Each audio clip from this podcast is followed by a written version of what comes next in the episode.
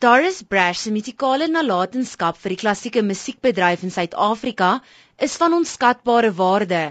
Die aanbieder van Dis Opera op RSG, Wouter de Wet, onthou haar as 'n liriese sopraan. So Doris Brash talle opnames gemaak wat gewissel het van arias uit Erodiad van Massenet, Pagliacci van Mascagni, die Vledermaas van Johann Strauss, asook talle lieder van Duitse komponiste.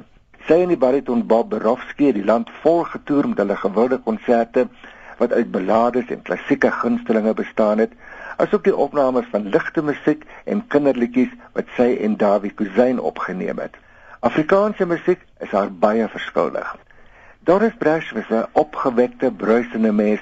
Selfs toe haar 2 jaar gelede kort voor haar 80ste verjaardag gesien het, was ek verstom oor haar energieke lewenstyl. Die woordjie legende word deesdae los en vas gebruik, maar ek glo Doris Brash kan as 'n Suid-Afrikaanse legende beskryf word. Die artistieke direkteur by Salon Music in die Brooklyn Theater, Willem Vogel, meen haar warm persoonlikheid sal altyd onthou word.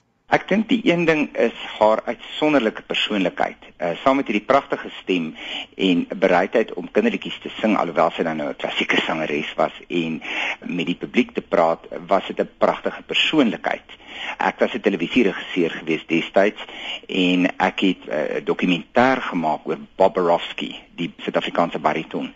En sy was in die onderhoude gewees want sy het baie dikwels saam met Bob Borowski opgetree op landwyse toere en so aan en so voort. En uh, ja, dit bly mens by hoe 'n wonderlike mens sy was. Dit was die artistieke direkteur by Salon Music in die Brooklyn Theater, Willem Vogel, en ek is Melissa Tuggie in Johannesburg.